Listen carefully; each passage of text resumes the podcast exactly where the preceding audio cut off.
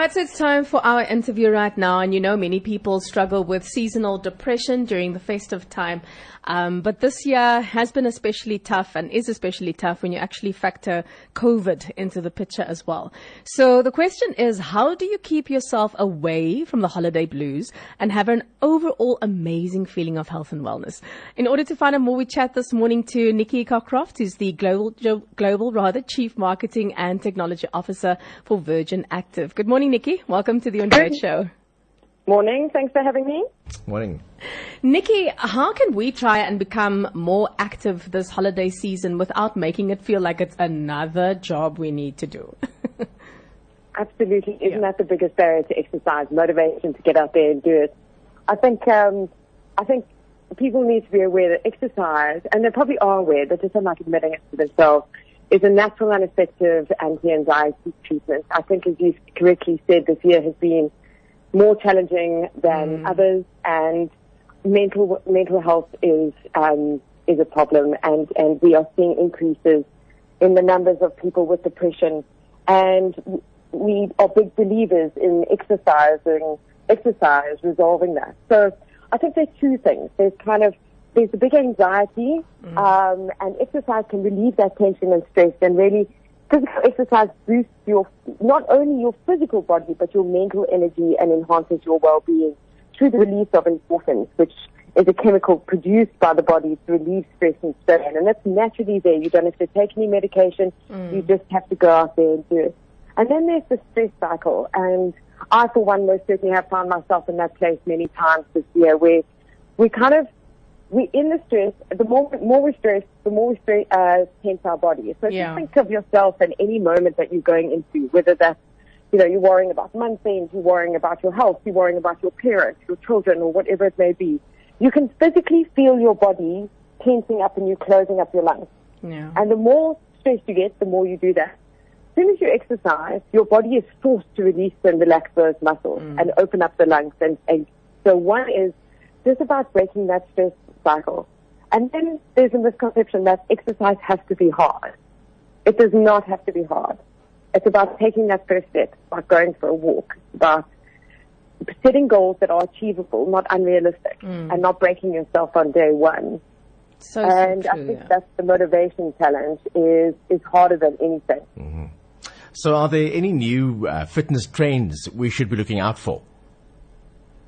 I think there are loads of trends in, in, in fitness. I think one of my most recent additions to, to team is introducing breathing techniques. Mm. Um, I know that sounds like an obvious thing, doesn't it? We need to breathe, but I'm sure everybody has found themselves in that situation where, whether that's as, as I said to someone else, it's when I go to the dentist. Um, I just actually stop breathing. I have to remind myself to breathe. As soon as I'm feeling anxious, it's this ridiculous thing. And so recently I started adding breathing techniques. There's lots of free apps available. Um, I do it at the start of the day. I'm not sure if that's best or when it is, but if you can find, I think it's about seven minutes mm. to just practice breathing techniques. That is probably the newest yet oldest form of dealing with stress management. You know, Nikki, it's so interesting. You were actually touching on a couple of things um, that I wanted to ask you right now. But I think if there's anything that I missed, perhaps you can kind of like just jump in here. You, all the things that you're describing right now, these are all just getting back to basics. Um, and I think especially when we're going through so much stress, it's so important that we realize that we do need to, like you said, we just to breathe. I mean, breathing, you really do forget about things like that, especially when you're busy tensing and stressing and you're panicking and you go, go, go, go, go, because we live those kinds of lifestyles. And especially when we came out of lockdown and people started working again, all that stress just kind of like came back and it rushed back and it just gets a little bit mad. But fitness and, and getting into that exercise routine, it just gives you exactly what you need. And it just, it, you know, it doesn't, it doesn't cost you much thinking. You just go there, you do it, um, and and you'll feel those results of it. So, in terms of someone who's maybe like stuck in a rut, because for me personally, it was it was a bit difficult to get out of that funk that I was in. So, mm. if someone is stuck in a rut, do you have any kind of parting advice um, for someone like that to try and get back into that fitness routine? Absolutely. Um, I, I different things work for different people. Um, I, what works for me is routine. Mm. I put it into my routine, and I don't wake up a happy person. In fact, I wake up I don't really like people. So um, that's great when you've got a husband and four children. Mm, so what I do is I get going before I see them. So, and if I'm battling to get out of bed, I count down from 10. It's a ridiculous thing, but I literally count down from 10. As I hit one, I stand up and I go. Mm. And if I only get 10 minutes to go out for a walk or run or whatever, I take it.